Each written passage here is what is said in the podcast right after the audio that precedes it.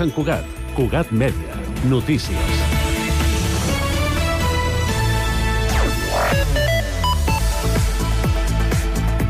Salutacions al 112 va rebre durant l'any passat 19.489 trucades des de Sant Cugat. Són un 10,7% més de les que es van atendre durant el 2022. Per temàtica, les trucades sobre qüestions de seguretat, assistència sanitària i trànsit han estat les que més sovint s'han fet des de la ciutat. Tot plegat són dades publicades pel Centre d'Atenció i Gestió de Trucades d'Urgència que facilita la segmentació per municipis. La xifra de 2023 és la més alta des de 2020. Ara bé, encara està per sota del nombre de trucades que el 112 va atendre el 2019, 21.846. Pel que fa al tipus d'emergències, en els darrers anys sempre ocupen el pòdium les mateixes, seguretat, assistència sanitària i trànsit. Un vehicle lector de matrícules i una càmera mòbil vigilaran les infraccions a l'anella verda, especialment al carril per evitar que vehicles de motor ocupin o accedeixin a aquest espai segregat. Es tracta d'un cotxe que ja fa servir Promusa per controlar les zones d'estacionament regulat i a partir d'aquest dijous també vigilarà les infraccions a l'anella verda. A més, abans de l'estiu s'instal·larà una càmera mòbil que podrà anar canviant d'ubicació, també amb l'objectiu de sancionar els infractors.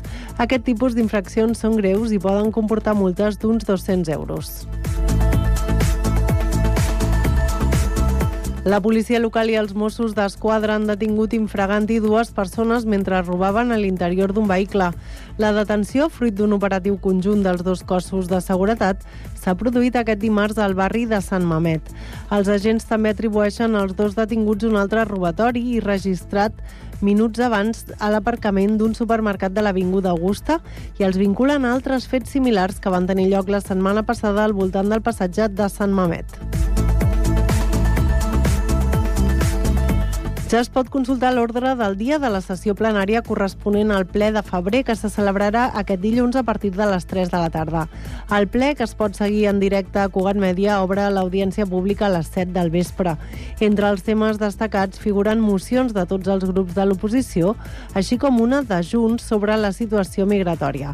A l'ordre del dia també consta ratificar el desestiment del lloguer de l'edifici de Can Maristany, que coincideix amb el context de dèficit econòmic de l'Ajuntament. I de moment això és tot. Més informació a Cugat.cat. Moltes gràcies.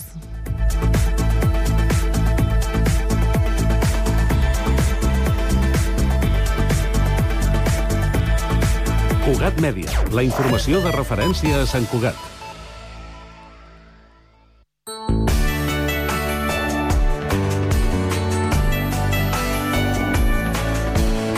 Ràdio Sant Cugat, Cugat Mèdia, 91.5 FM.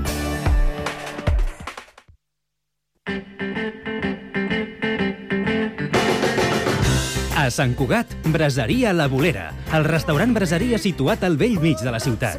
Més de 20 anys oferint la més alta qualitat en tots els seus productes, en amanides, carns, verdures, Braseria La Bolera. Amplis menjadors per a celebracions familiars, batejos, comunions, casaments, Braseria La Bolera. Els que ja la coneixen sempre hi tornen. Baixada de l'Alba 20, al costat del monestir. Telèfon 93 674 1675.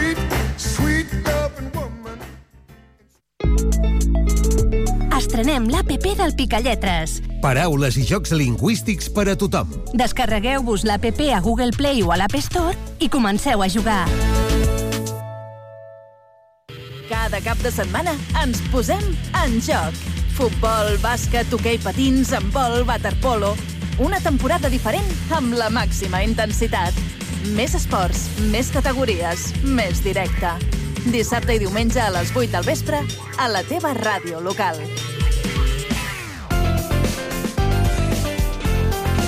Ràdio Sant Cugat, Cugat Mèdia.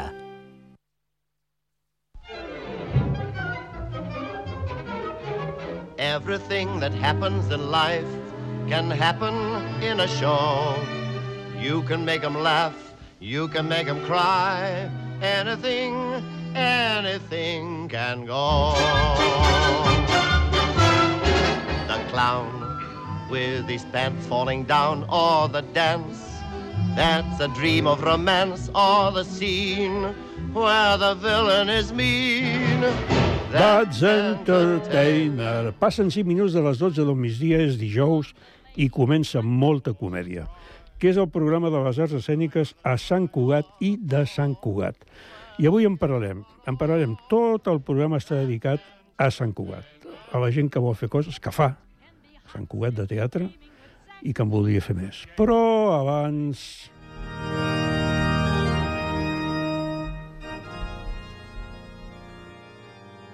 la estación radiodifusora EAJ1 de Emisiones Radio Barcelona.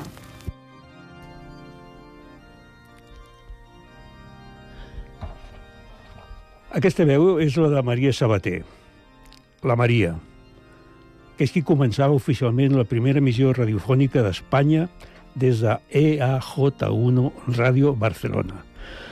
Benvolguts germans a les arts escèniques. Cal explicar que volia dir EAJ1, que era un còdic internacional, on la E significava Espanya, AJ per telegrafia sense fils, i l'1, evidentment, per ser la primera després de la Sabater. Va parlar amb Darío Romeu i Freixa, baró de Viver, que era aleshores l'alcalde de Barcelona. Però deixant de banda aquest fet històric, benvolguts germans, us volia parlar de què ha estat per molta gent des d'aquell moment i pensant en moltes de les emissores que després van omplir les zones arsianes, que ve del senyor Hertz, de paraules i música, doncs un element imprescindible, essencial, per fer arribar a totes les cases del país coses que després potser alguns podien convertir en moments de gaudi, de coneixement, d'emoció. Jo vaig conèixer, escoltar, gaudir i emocionar-me per primera vegada amb una obra de teatre gràcies al programa Teatro Invisible de Radio Nacional d'Espanya en Barcelona dirigit per Juan Manuel Soriano. Després, afortunadament, i soc nascut al barri de Gràcia de Barcelona, els meus pares i avis eren aficionats i vaig entrar en directe per veure teatre dins d'un teatre. Però per moltes persones era l'única porta per conèixer obres fonamentals i autors mundialment famosos que els entraven per l'aparell i s'escoltaven després de sopar. Exactament igual amb la música, tota la música – les cançons de moda, que s'interpretaven algunes en els estudis de Ràdio Barcelona en directe, o en programes de discos com Ràdio Joventut i les retransmissions dels concerts de l'Orquestra Municipal de Barcelona els diumenges al matí des del Palau de la Música o de la banda municipal des del Parc de la Ciutadella. La música i el teatre, també els serials de cada tarda, que feien arribar a tothom aquestes dues parts fonamentals de les arts escèniques perquè, òbviament, òbviament, no es podia retransmetre un ballet, la dansa ni tampoc el circ, que necessita la presència física, la proximitat, encara que jo recordo una transmissió des del teatre del Liceu on es va intentar explicar en paraules el llac dels signes, música de Tchaikovsky i coreografia de Marius Petipa. La ràdio ha estat i és fonamental, però, com sempre, les coses evolucionen i si abans era imprescindible estar al costat de l'aparell a l'hora precisa per escoltar el teu programa preferit, ara ja no cal. Perquè si ara, benvolguts germans, jo estic parlant en directe i obert des de les 12 del migdia per la banda de transmissió FM localitzada en la part VHF de l'espectre radiofreqüència en el rang de 87,5 MHz fins als 108 MHz a les 20 hores, tornarem a emetre el programa, però demà, divendres, a partir de les 9 del matí, això estarà en el podcast de Cugat Mèdia. I aleshores es podrà escoltar quan els oients vulguin. I parar-ho, i tornar a començar, tornar a escoltar. Si volen demà, si volen la setmana que ve, i potser algun dia, quan recordin que avui, dia 15 de febrer de l'any 2024, es va parlar del Teatre de la Unió de Sant Cugat del Vallès i representants del Teatre Amateur de la ciutat també van dir la seva, podran entrar a Google, esperant que continuï per molts anys, i recuperar aquest programa com si fos en directe. I arribats aquí, benvolguts germans, jo segueixo demanant que Déu faci més que nosaltres. Amén.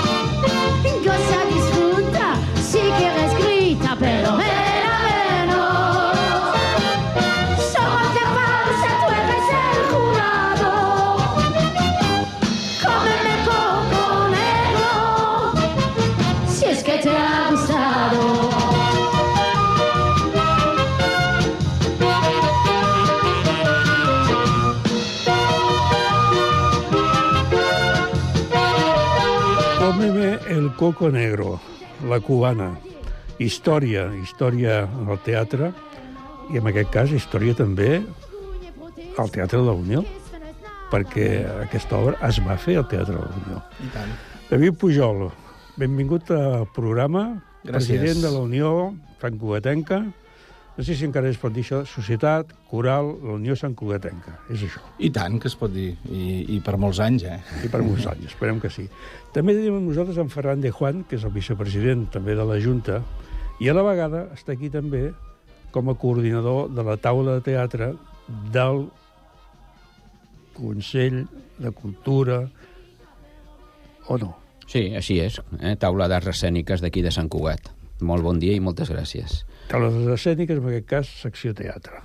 Sí, sí. Bueno, podem posar un parèntesis perquè dintre de la taula també està l'aula de so, eh? que és més musical, però bueno, podem parlar de que sí que és teatre. Bé, en qualsevol cas té menys activitat.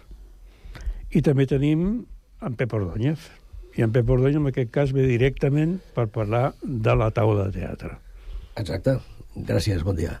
I contents que estigui aquí i que puguem parlar d'això perquè hi ha una notícia que convindria dir de seguida, que jo vaig llegir eh, amb els mitjans de, de Sant Cugat i diu el titular el Teatre de la Unió previst pel 2024 i amb 400 butaques.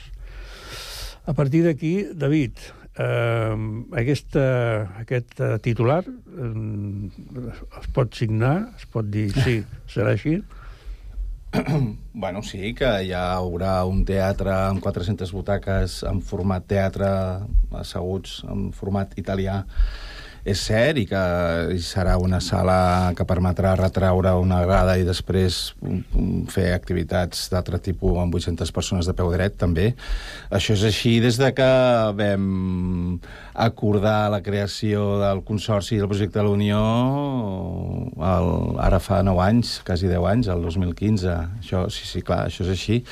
I tant que és així. Um, el que no sabem és quan estarà. Bueno, diuen que estarà aquest any, finals d'aquest any, segurament, però jo el que voldria dir és que fa masses anys que només parlem de totxos, de teatres, de, de, de, de diners, o sigui, quan preguntem a l'Ajuntament, quan l'Ajuntament explica coses del teatre, eh, parla d'obres, no? de, de quan s'acabaran les obres, o, quan, o bueno, tots els atrasos que hi ha hagut, però s'ha oblidat totalment la, la, la part cultural, la part de gestió i la part de, de programació de com gestionarem aquest equipament.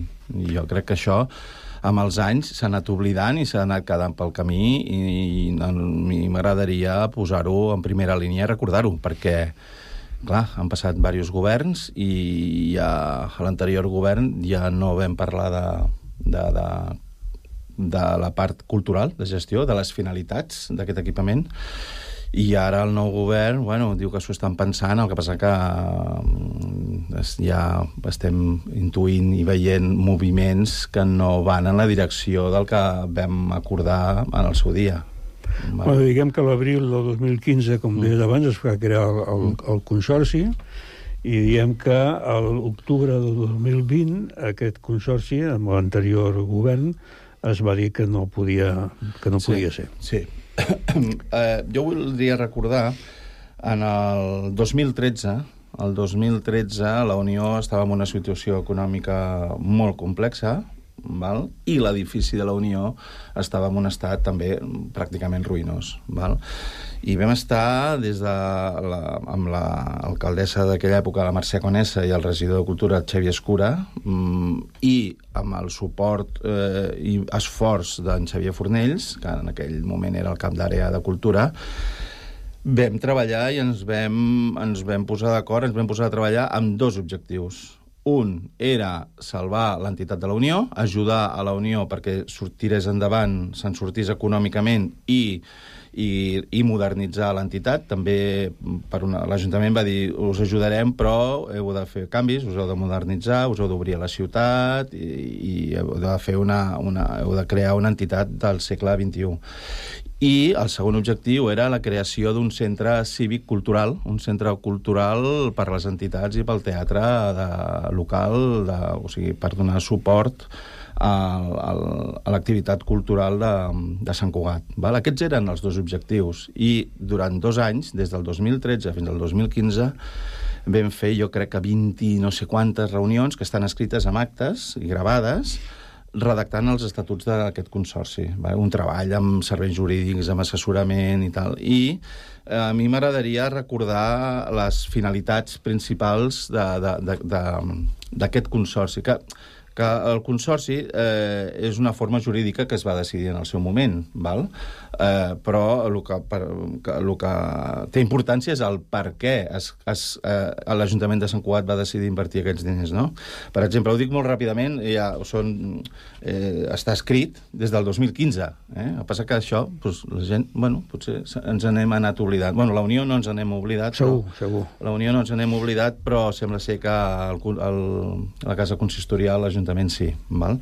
Uh, les finalitats, l'article 2 dels estatuts del Consorci, parla de les finalitats. Diu, gestionar l'equipament ubicat al, al carrer Sant Claver 15-17, preservar la memòria històrica i patrimonial de la Unió, mantenir i potenciar les seccions, la vida social i ciutadana de la Unió, ser focus de la vida cultural i cívica santcugatenca, dinamitzar entitats i col·lectius de la ciutat que en un futur puguin disposar d'espais per fer les seves activitats, promoure activitats musicals, teatrals i altres arts escèniques, fomentar la producció i representació de teatre d'aficionats i professionals de proximitat, així com activitats culturals en lleure i de lleure, consolidar temporades estables a la ciutat de caràcter aficionat o professional, o professional dins de la dinàmica de la cultura que realitza l'Ajuntament de Sant Cugat, donar suport a grups i entitats que constitueixen el de, el món de les arts escèniques de la ciutat, afavorir iniciatives relacionades amb creació artística, etc etc etc. Fomentar propostes formatives, eh, realitzar totes aquelles activitats i serveis relaciona relacionats amb, amb la cultura de la ciutat. Val? En, en definitiva, eh, és per això que vam posar-nos d'acord amb crear, amb crear aquest projecte de l'equipament de la Unió. O sigui, jo sempre dic que sense l'Ajuntament no hagués estat possible fer, crear aquest centre cultural de la Unió Sant Cugatenca. Però és que sense la Unió tampoc hauria sigut possible.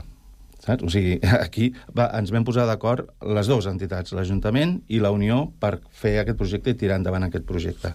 Hi ha una part que a mi m'agradaria recordar també, que està escrita en aquests estatuts, que és es preveia la creació d'una comissió artística ciutadana. Vam dir, a més a més, vam fer, durant les reunions, està escrit, està escrit i està documentat, vam dir d'evitar la, el model de que hi hagi una sola persona o, un, o una figura programadora que decideixi la programació de tota la ciutat. Val? Eh, això ja hi ha un equipament cultural a, a la ciutat que funciona d'aquesta manera i vam considerar que la Unió ha de ser molt més obert. I està escrit que, eh, que es crearia una comissió artística per diferents eh, actius, eh, entitats o persones de la ciutat, en la qual aquesta creació artística eh, recomanaria l'orientació i el contingut programàtic de les activitats per tal de, de garantir-ne la millor qualitat i, i pluralitat. Val? Això també està escrit. Llavors, clar, ara han passat els anys, ja tenim l'edifici construït, falta acabar el teatre, falta acabar la sala claver, bueno, amb els enterraments que siguin, però, clar, portem anys que el 2020 ens van dir el consorci és il·legal, eh, no es pot... No és viable, no és viable. No, primer deien que era il·legal, i quan vam demanar els motius que era il·legal, van trigar com un any i mig a redactar uns informes tècnics en els quals no deien que era il·legal, deia que era inviable, econòmicament. Val? Vam dir, bueno, doncs no sé, busquem la solució. No, no, o sigui, una, una cosa és que sigui il·legal i l'altra inviable a ulls d'una de les dues parts del consorci. Vale?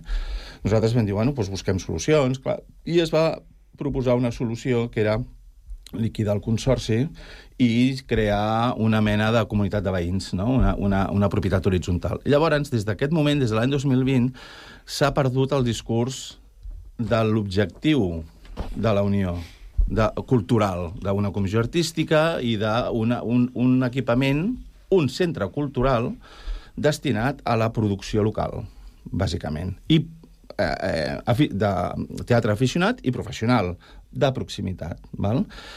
Això, des de l'any 2020, no se n'ha tornat a parlar. I ara ens trobem que, bueno, ah, sí, ara estem fent números de liquidar. Va, a tu et toca mig lavabo, et toca uns tants metres quadrats, perquè els diners en, ens ha costat eh, tants diners, i estem parlant en termes eh, immobiliaris. Fa des de l'any 2020 que només parlem en termes econòmics immobiliaris i no parlem de projecte ni de gestió, ni de model de gestió. I ara estem en una fase de que sí, és cert, el, el 2024 sembla ser que s'acabaran les obres, però eh, no sabem res de com funcionarà això. Aquesta divisió que deies horitzontal eh, està mm, valorada en percentatges? Està valorada en percentatges, és una cosa complicadíssima.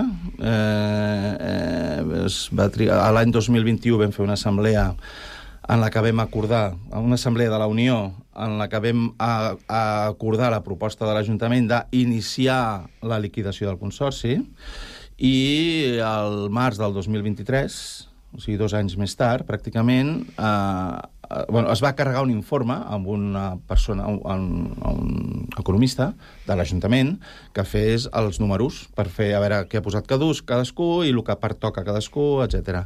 Aquest, aquest document, aquest informe va trigar dos anys, es va presentar al març del 2023, just abans d'eleccions, de les eleccions aquestes passades, però aquest informe va ometre algunes coses que consideràvem importants, vale? i llavors dèiem, oh, aquí falta documentació, faltant... O sigui, quan, quan liquides una empresa, una societat, sigui consorci, sigui el que sigui, has de posar actius i passius. No? Llavors, nosaltres no estàvem d'acord perquè l'Ajuntament havia omès una part important, eh, no sé si per error, omissió o què. No? I llavors, eh, ja amb el nou alcalde, amb el nou alcalde, a l'estiu, al juliol, ens vam reunir i vam acordar re revisar aquest, aquest document, aquest informe de liquidació. Bueno, estem a febrer, final, mitjans de febrer 2024 i encara estem pendents d'aquesta proposta final de, de, liquida, de repartiment econòmic, diguem-ne. En algun moment s'ha parlat, s'ha dit que d'alguna manera el teatre o sigui, estem parlant de dos, dos, dos mm. espais, que seria la Sala Calvé per una banda i el que és el Teatre de la Unió per una altra. En algun moment s'havia comentat que el Teatre de la Unió es podia convertir en la Sala B del Teatre Auditori, que en el seu moment tenia que ser just al costat del Teatre Auditori, i després, per diferents motius, no es va fer. Uh, aquest punt s'ha tractat perquè hi ha un tema importantíssim, jo penso que és el fet de la coordinació.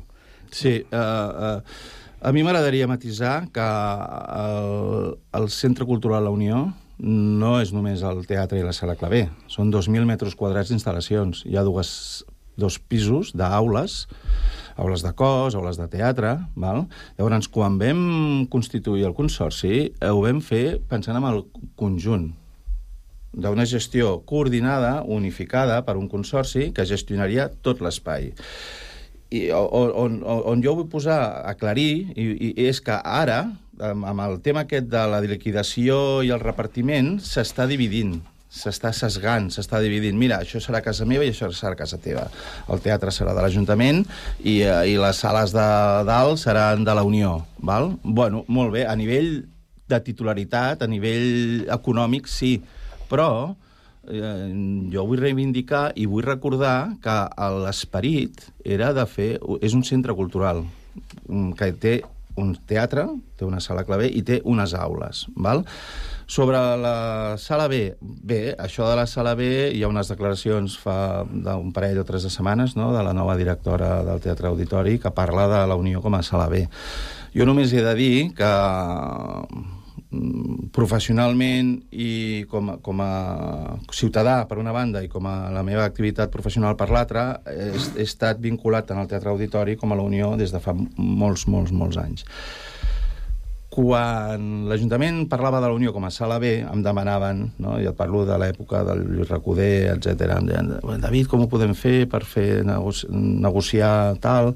Amb el president Joan Mata, es, va, es van començar unes negociacions perquè la Unió fos la sala B de, de Sant Cugat, el la sala B del Teatre Auditori o de Sant Cugat, i no hi va haver acord. Val? I a mi, a mi, a mi tampoc eh, m'interessava eh, com, com a... O sigui, que sigui la sala B del Teatre Auditori. Vale? Quan vam estar parlant de projecte i vam redactar aquestes finalitats, que no seria una sala B, sinó seria un centre cultural de creació local per les entitats, pel teatre amateur, per, per, de, de creació, de producció, llavors aquí vaig dir, ara sí, ara sí que m'hi poso a treballar. Jo no, jo no he treballat més de... Bueno, no porto més de 10 anys lluitant per un projecte perquè sigui un, una cosa en la qual ja en el seu dia vaig dir que a mi no m'interessava. A mi el que m'interessa és que la Unió Sant Cugatenca sigui un equipament cultural per la producció i el suport de la producció local de les entitats de, de Sant Cugat i, evidentment, també pro, pro, programació professional, val? però gestionat des d'un altre model de gestió, que és una comissió artística, la participació de les entitats, etc etc. Sí, em permets un moment, eh, dintre d'un informe que es va fer el, el 10 de... es va presentar al Consell de Cultura el 10 d'abril del 2010, uh -huh. o sigui que aviat farà 14 anys, eh, jo feia una comparació amb el conjunt d'espais escènics de Manresa. El Teatre Cursal, la sala gran, té 803 localitats, la sala petita 200, que és un espai també configurable. Hi ha dues sales polivalents amb focus, camerins, dutxes, etc. Hi ha un conservatori amb 518. Però eh, a part de la programació que es fa una programació similar amb el Teatre Auditori d'aquí, mm, moltes de les obres que ven allà circulen aquí, hi ha tres dies a la setmana en el que, considerant que el grup que ho portava és el que partia del grup El Galliner, considerant això, resulta que hi ha tres dies a la setmana en el que els grups amateurs, no només de Manresa, sinó de la comarca o de Catalunya, doncs tenen les seves activitats. És a dir, que hi ha una, una programació, podríem dir-ne, entre cometes, professional, normal, etc etc, i hi ha una programació fixa, habitual, de grups amateurs. I saps per què és això? Perquè hi ha una comissió artística ciutadana. Eh, els equipaments culturals de Manresa es gestionen a través d'un organisme que es diu Manresana d'Equipaments, que és un organisme públic, i en els seus estatuts defineix que qui, defi qui decideix els criteris de la programació és una comissió artística formada per una entitat que és el Galliner que és l'entitat, diguem-ne, que va promoure la, la, la reforma del Cursal, que va lluitar durant més de 20 anys per la reforma del Cursal, etc. Que va durar el seu temps, però que durar, sí. al final doncs, eh, es va aconseguir. Es va aconseguir, i el que ha quedat és que qui decideix el que es programa a Manresa és una comissió formada per les entitats del poble. I, i, i això permet garantir la pluralitat i el suport local, eh, bueno, això que acabes de dir. Molt bé, David. No sé si tens alguna cosa més per comentar. Amb... Moltes, però ens estaríem no, tres home, setmanes. Però... No, no, a, mi, a mi el que m'agradaria afegir una mica és de que... Tenim en Ferran de Juan. Ara poses la... Ara la, el, la, la gorra de, la, la gorra de, la Unió. De, de la Unió. De la Unió. Després ja passarem a l'altre. I és de que tots els governs que han passat des de, que ha comentat el David, des del 2000 i pico, no tenen assumit que nosaltres som socis d'aquest Ajuntament. I tenim que, que treballar en conjunt, vull dir, som socis, i quan els dius això a l'Ajuntament es posen molt nerviosos perquè no assumeixen ni entenen que la Unió és sòcia de l'Ajuntament. Digue-li consorci, digue-li divisió horitzontal, digue-li el que vulguis, però són socis. Eh? Llavors, els, un soci, perquè una empresa funcioni entre socis, té que haver transparència i té que haver confiança i no l'estem trobant, ni la transparència ni la confiança. I se'ns està deixant de banda en moltes decisions, perquè aquí podríem entrar en decisions que s'estan prenent ara amb el tema del bar, etc etc etc. O sigui, a l'Ajuntament, i parlo ara de l'Ajuntament perquè actualment tenim aquest Ajuntament, d'aquí 3-4 anys ja veurem qui tindrem, no entenen el que és ser soci amb una entitat privada i una entitat municipal. Mm, molt bé. Canviem la, la gorra? Canviem de gorra. Canviem de gorra i entrem al, a Com la... és, car com és a la- carnaval, portem diverses gorres. No, ho dic, ho dic perquè m'agradaria parlar també de, de, de la taula de teatre i després, si convé, si tenim temps, reemprendrem altra vegada i parlarem de, de la Unió, perquè en definitiva, eh, si parlem de la taula de teatre i de les companyies amateurs que estan registrades en aquesta taula i que de forma habitual estan mm, produint obres, eh, al final eh, acabem al mateix lloc, no?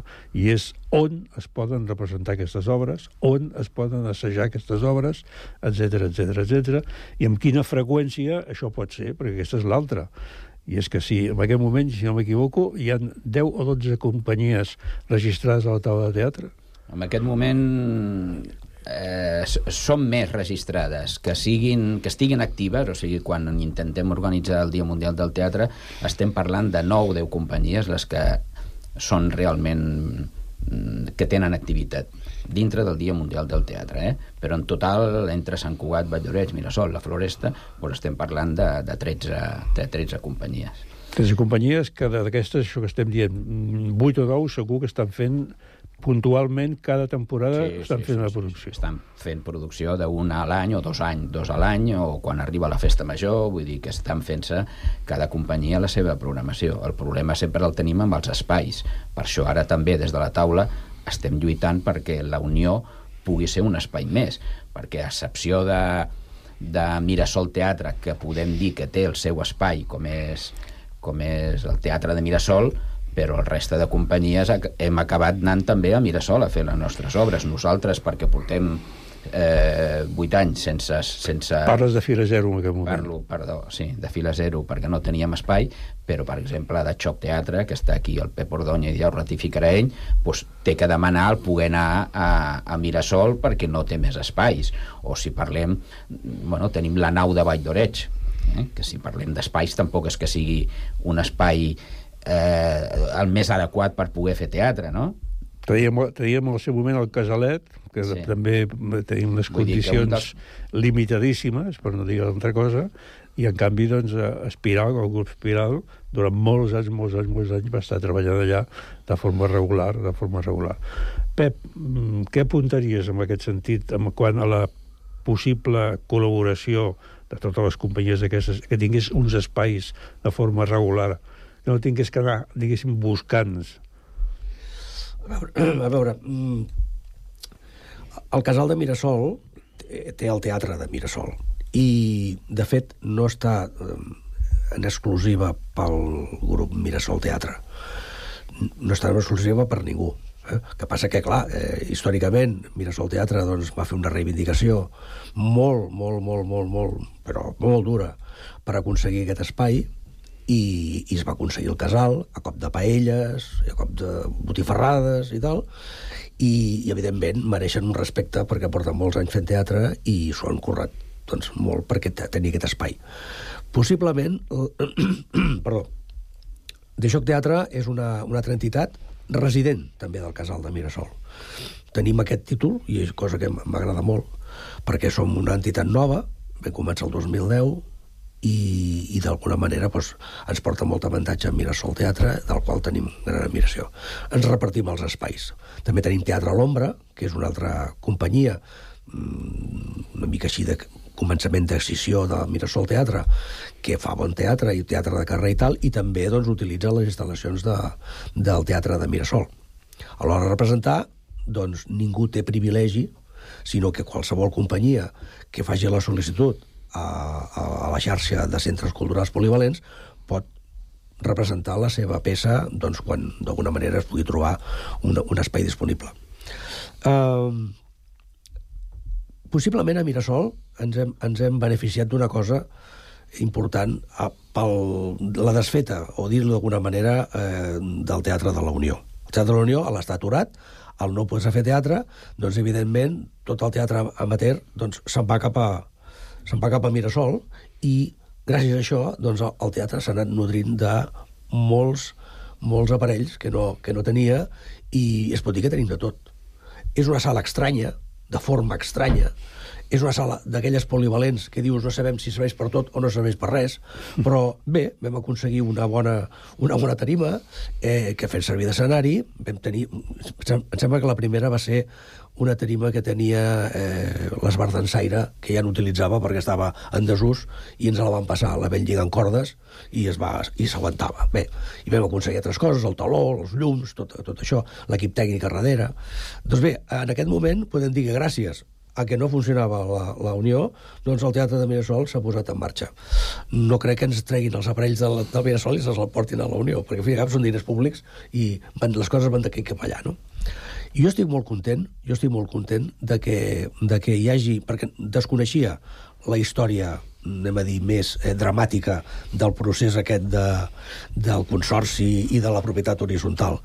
I, francament, quan arribem a aquests termes gairebé, diguem, legals, jo em perdo perquè jo, mira, jo em considero un, un, un, un bohemi i un, i, un, un creador i les coses així massa tècniques, doncs la veritat és que mm, massa lletra ja m'espanten, no? I estic, estic, satisfet, estic satisfet d'haver-me enterat de què coi passa amb això, amb això de, la, de la Unió per part vostra, per part de l'Ajuntament segurament no ho sabré mai, no, perquè no tinc accés a això.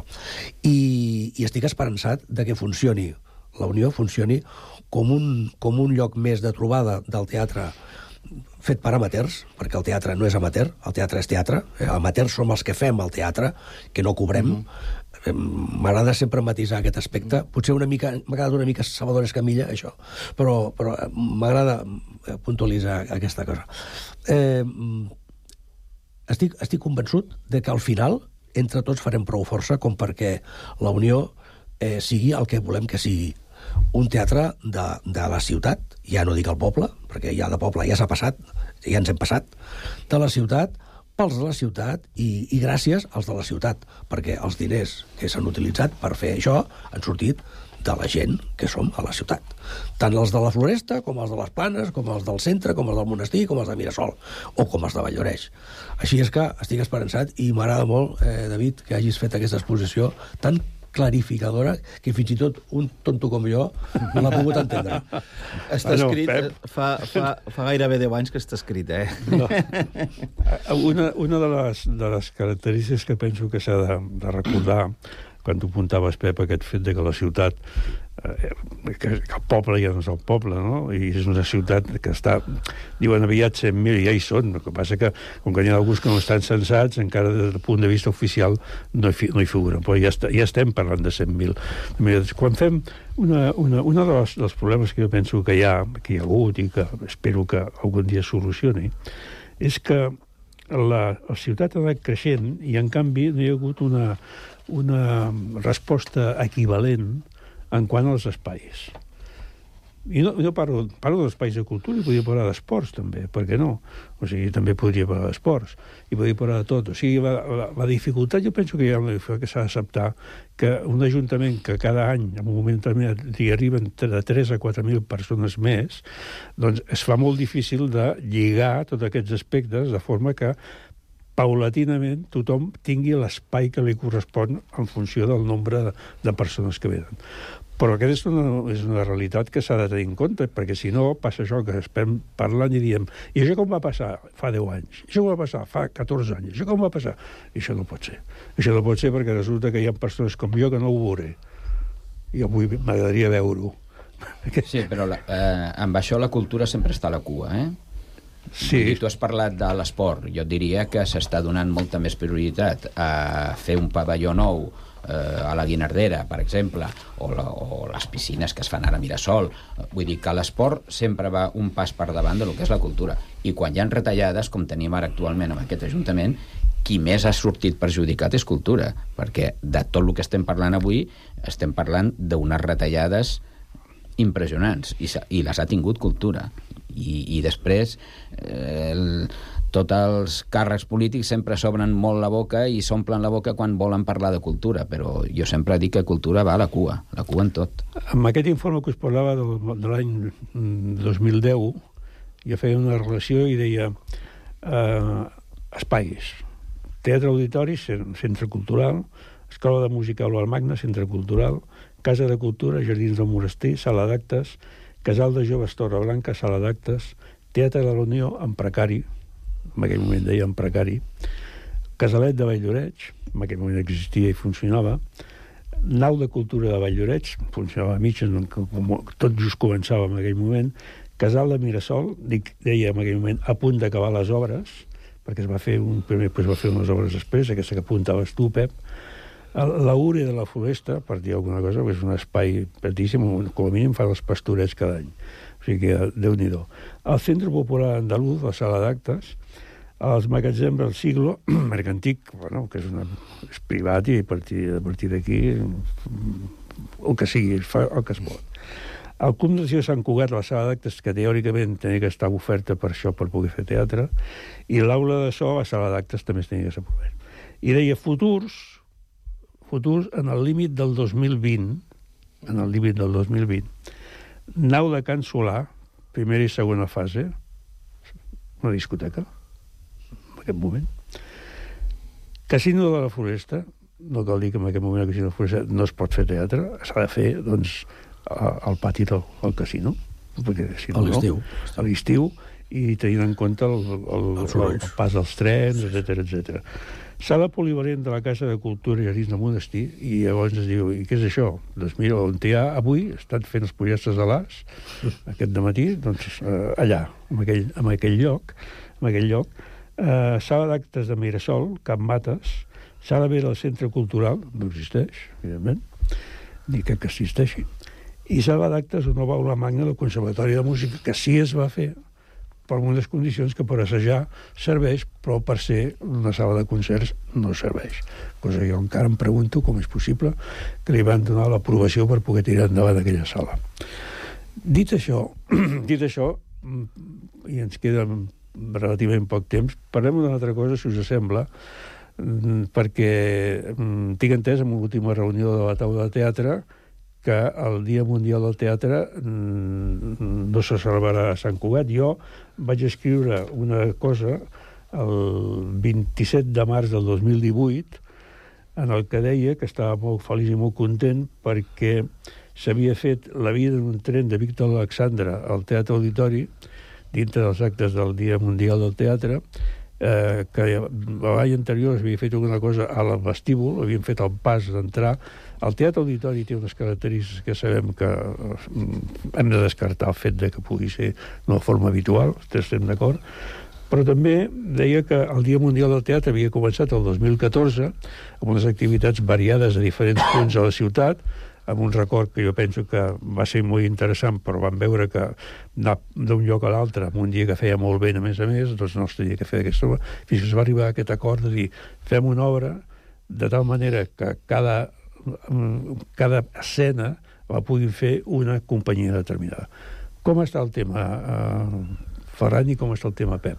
Bueno, com bé dius, eh, últimament, des de la taula de rescèniques, eh, intentem organitzar el Dia Mundial del Teatre. S'ha provat moltes coses, no? Eh, D'una manera es va fer al carrer el primer any, eh, s'ha provat eh, el, el celler cooperatiu, eh, el vestíbul del, de l'auditori, i al final se'ns va donar la possibilitat de poder fer-lo al Teatre de Mirasol i et diria que els tres últims anys eh, s'ha fet al Teatre de Mirasol. La taula d'escèniques... Es... La sala que ve un any? la sala clavé un any. Ah, sí? Eh, la sala clavé un any. Però, bueno, vam veure que tampoc estava encara condicionada per poder fer una obra de teatre de les característiques aquestes, no? Allà suposo jo que acabarem fent un més eh, tipus cafè-teatre o teatre curt, breu. Llavors la taula es reuneix, mm, s'escolleix una obra, que puguin representar eh, totes les companyies, una obra que es pugui dividir en contes, per dir-ho d'alguna manera. No? Algun any s'havia fet píndoles, que cada companyia portava la seva píndola, que podia ser d'una obra que ja haguessin fet o així. Però ja portem dos, dos tres anys que s'està fent una obra dividida entre diferents contes. Aquest any, com sempre, a última hora, perquè sempre ens agafa eh, corrents i de pressa, no teníem obra perquè s'havia parlat de, de l'any del Guimarà, s'havia parlat de la Rodoreda, etc. Però no, no trobàvem un director que agafés ninguna obra d'aquestes i se'ns va presentar la Trini d'Espiral dient que ella tenia per presentar eh, El Drapaire, que és una obra que s'ha s'ha fet moltes, moltes vegades, vull dir, a Vall d'Oreig s'ha fet, s'ha Sembla fet... que va ser la primera que va fer el grup Espiral, Sí. si no m'equivoco. Fa 30 anys es va fer... La va escriure precisament la Trini i la, i la, La Almendros. Que, I Almendros, sí. que ara ja no està entre nosaltres. Ens van presentar aquesta obra, el reste de la taula la va veure bé, ens vam repartir els contes perquè havia 9 o 10 contes amb aquesta obra i vam començar, vam començar doncs, des del mes d'octubre. Al mes de finals de febrer fem una reunió una mica per, per acabar de concretar les coses, de quin tipus de fotografia posàvem al programa, i amb aquesta reunió es presenten eh, la Cristina Campany, que és la coordinadora eh, entre la taula i l'Ajuntament, i és la que ens porta de, gest, de, de la xarxa polivalent cultural, ens porta les relacions, i eh, es va presentar l'Alba Joe, també, i se'ns comunica a finals de gener, em sembla que va ser la reunió, que tres contes d'aquesta obra la xarxa cultural no les programaria. No les anaven a programar perquè entenien que el contingut d'aquests contes eh, xocaven una mica amb el, amb el, amb el programa actual tant de la societat com de la pròpia eh, com de la pròpia xarxa cultural, no? que havia una línia vermella, bueno, i, i això és el que ens van dir, que aquests tres contes no es programarien dintre de la xarxa cultural. Els tres contes eren tres contes, bueno, un es deia la senyora puta, un era el drogadicte i un altre era la, la Fifi. Nosaltres no vam veure cap problema eh, per dir que no es poguessin programar. Ah, Llavors, l'autora, que estava dintre de la reunió, la Trini, doncs ella va dir que... perquè se'ns va demanar que reflexionéssim a veure si podíem modificar els textos d'aquests tres contes. Clar, la pròpia autora que estava allà va dir que ella modificar un text d'una obra que havia fet i que havia escrit i no estant l'altre que l'havia, la- l'Almendros, que, no, que no estava entre nosaltres, que ella retirava, retirava la- l'obra. Eh, el reste de companyies, una mica amb solidaritat a la postura que va prendre la Trini, doncs van fer el mateix, no? Vam dir que no, que no presentaríem aquesta obra pel Dia Mundial del Teatre. Abans d'ahir tornem a tenir una altra reunió en la que es tornen a venir de la xarxa cultural i ens tornen a reafirmar que no és un tema... Jo vaig emplear a lo millor una mica erròniament la paraula censura se'n va renyar per, perquè entenen que no és censura i continuen dient que aquí no hi ha censura de res mm, ens tornen a dir que no es program, que dintre de la programació de prop de la xarxa cultural aquesta obra no es pot programar, però que si la volem presentar fora de la xarxa cultural que cap problema, que la presentem com qualsevol altra obra. I també amb aquella reunió es va decidir que ja que la cosa havia anat com havia anat, que tampoc l'anàvem a presentar fora de la xarxa cultural. Sempre hem anat acompanyats d'ells quan hem fet el Dia Mundial del Teatre i entenem que aquest any pues, tenia que ser igual dintre de la xarxa de prop cultural, no? I així s'ha quedat, vull dir, tampoc ens dona temps ara ni a presentar ni a preparar una altra obra pel mes de març, amb la qual aquest any, des de la taula, pues, no, no s'organitzarà el Dia Mundial del Teatre. La resposta dels grups, Pep, va ser eh, general? Va ser, va ser eh, unànime? O... Sí, en principi va ser unànime gent de grups que, d'alguna manera, doncs, tenen elements comuns o, o estan més relacionats, mm, fins i tot pel dia a dia. Eh? Eh, sí, va haver una reacció ràpida, de quatre, els quatre primers va ser molt, molt ràpida. Altres vam optar per dir, bueno, a veure com, com s'arregla això, no, es va apuntar un cinquè grup, i van quedar tres els de Mirasol, el, el Mirasol Teatre, Teatre L'Ombra i de Xoc Teatre, i a cop de WhatsApp vam dir, bueno, què fem, no? I el mateix, el mateix eh, sala des de que està a Nova Zelanda, no sé si he fet bé dir-ho, eh, es va posar en contacte amb mi i va dir nosaltres no ho farem, no ho farem perquè hem de respectar eh, el text tal com està i si no el podem fer tal com està, nosaltres ens retirem. Mira, el teatre va fer igual i, bueno, de fet, jo encara no ho he dit, o sigui, jo encara no ho he dit que ens, que ens retirem, però va, evidentment s'entén que tampoc, tampoc, tampoc ho, ho farem. És una llàstima. Jo ho tinc, ho tinc escrit aquí, després mires, i aquí hi ha tota la, tota la història escrita. La, la no celebració del Dia Mundial de Teatre, per mi, és un fracàs un fracàs eh, a nivell, a nivell artístic, a nivell organitzatiu, a nivell... a tots els nivells. Eh? Vull dir, són prous com per poder fer alguna cosa, però se'ns han dit no tenim temps de fer res. Però si ens anem del teatre, doncs sí podríem fer. Podríem fer una lectura de la, del manifest, la podríem teatralitzar una mica, no sé, buscar-li... Jo encara no he perdut l'esperança de que puguem fer alguna cosa. Sant Cugat. Quin dia, Cugat quin, quin ha dia, de poder quin dia el estava previst? Quin dia estava previst? Això era per l'abril. Aquest any eh, coincidia el Dia Mundial del Teatre, que és el 26 de març, amb la Setmana Santa. Eh, Llavors tenim, tenim, perquè encara tenim, vull dir, encara no hem donat l'última resposta a la Cristina, tenim reservada el 6 i 7 d'abril al Teatre de Mirasol. Que és després de, de Setmana Després de Setmana Santa, vull dir, tal com diu el Pep, tenim que fer també nosaltres una altra reunió a la taula per veure si, si, si som capaços de, de fer alguna cosa, no? O, o, o de canviar aquest model, no? Perquè també se'ns va dir que a lo millor aquest model de voler eh, fer només una obra de teatre, el Dia Mundial del Teatre, que podia, podia fer-se una altra cosa, no? Vull dir, no ho sé, això ja... Sí. ja, Va ja, poder fer una xocolatada, també. ja ho parlarem. Però tampoc és això, vull dir, són de gent de teatre, Dia Mundial del Teatre, em sembla que està clar que hem de fer teatre. Ara, que el podem fer de moltes maneres, sí, però fer teatre, eh, fins i tot potser teatre improvisat, també és teatre. Però jo crec que hem de buscar la forma de que eh, tothom estigui representat.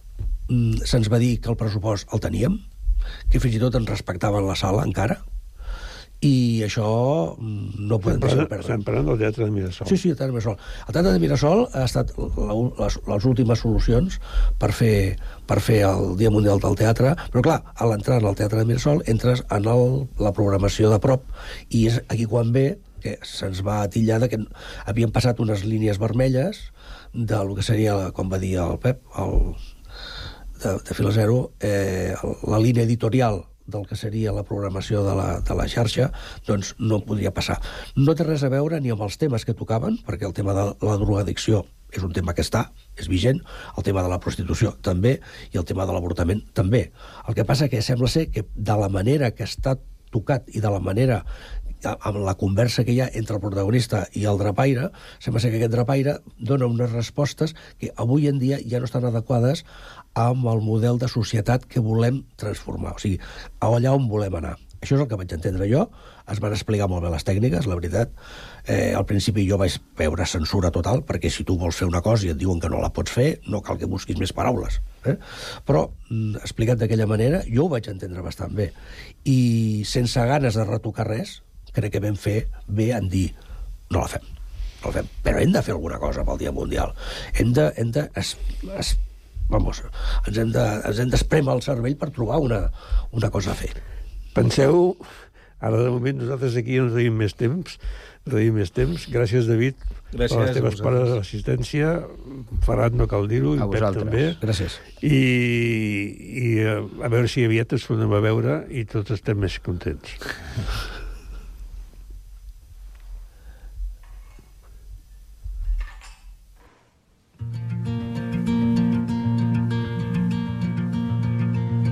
Digue'm on ets quan estic amb tu. Digue'm on soc quan estic amb tu. Caus on no em deixo perdre mai. Divendres a les 20 hores al Teatre Auditori el traje de Juan Cabestany, bueno, Cabestany a Madrid, aquí Cabestany, que dirigeix ell mateix amb Javier Gutiérrez i Luis Bermejo. I a les 21 hores al Teatre de Mirasol la companyia Teatre L'Ombra presenta sis històries d'amor de Giovanni Boccaccio.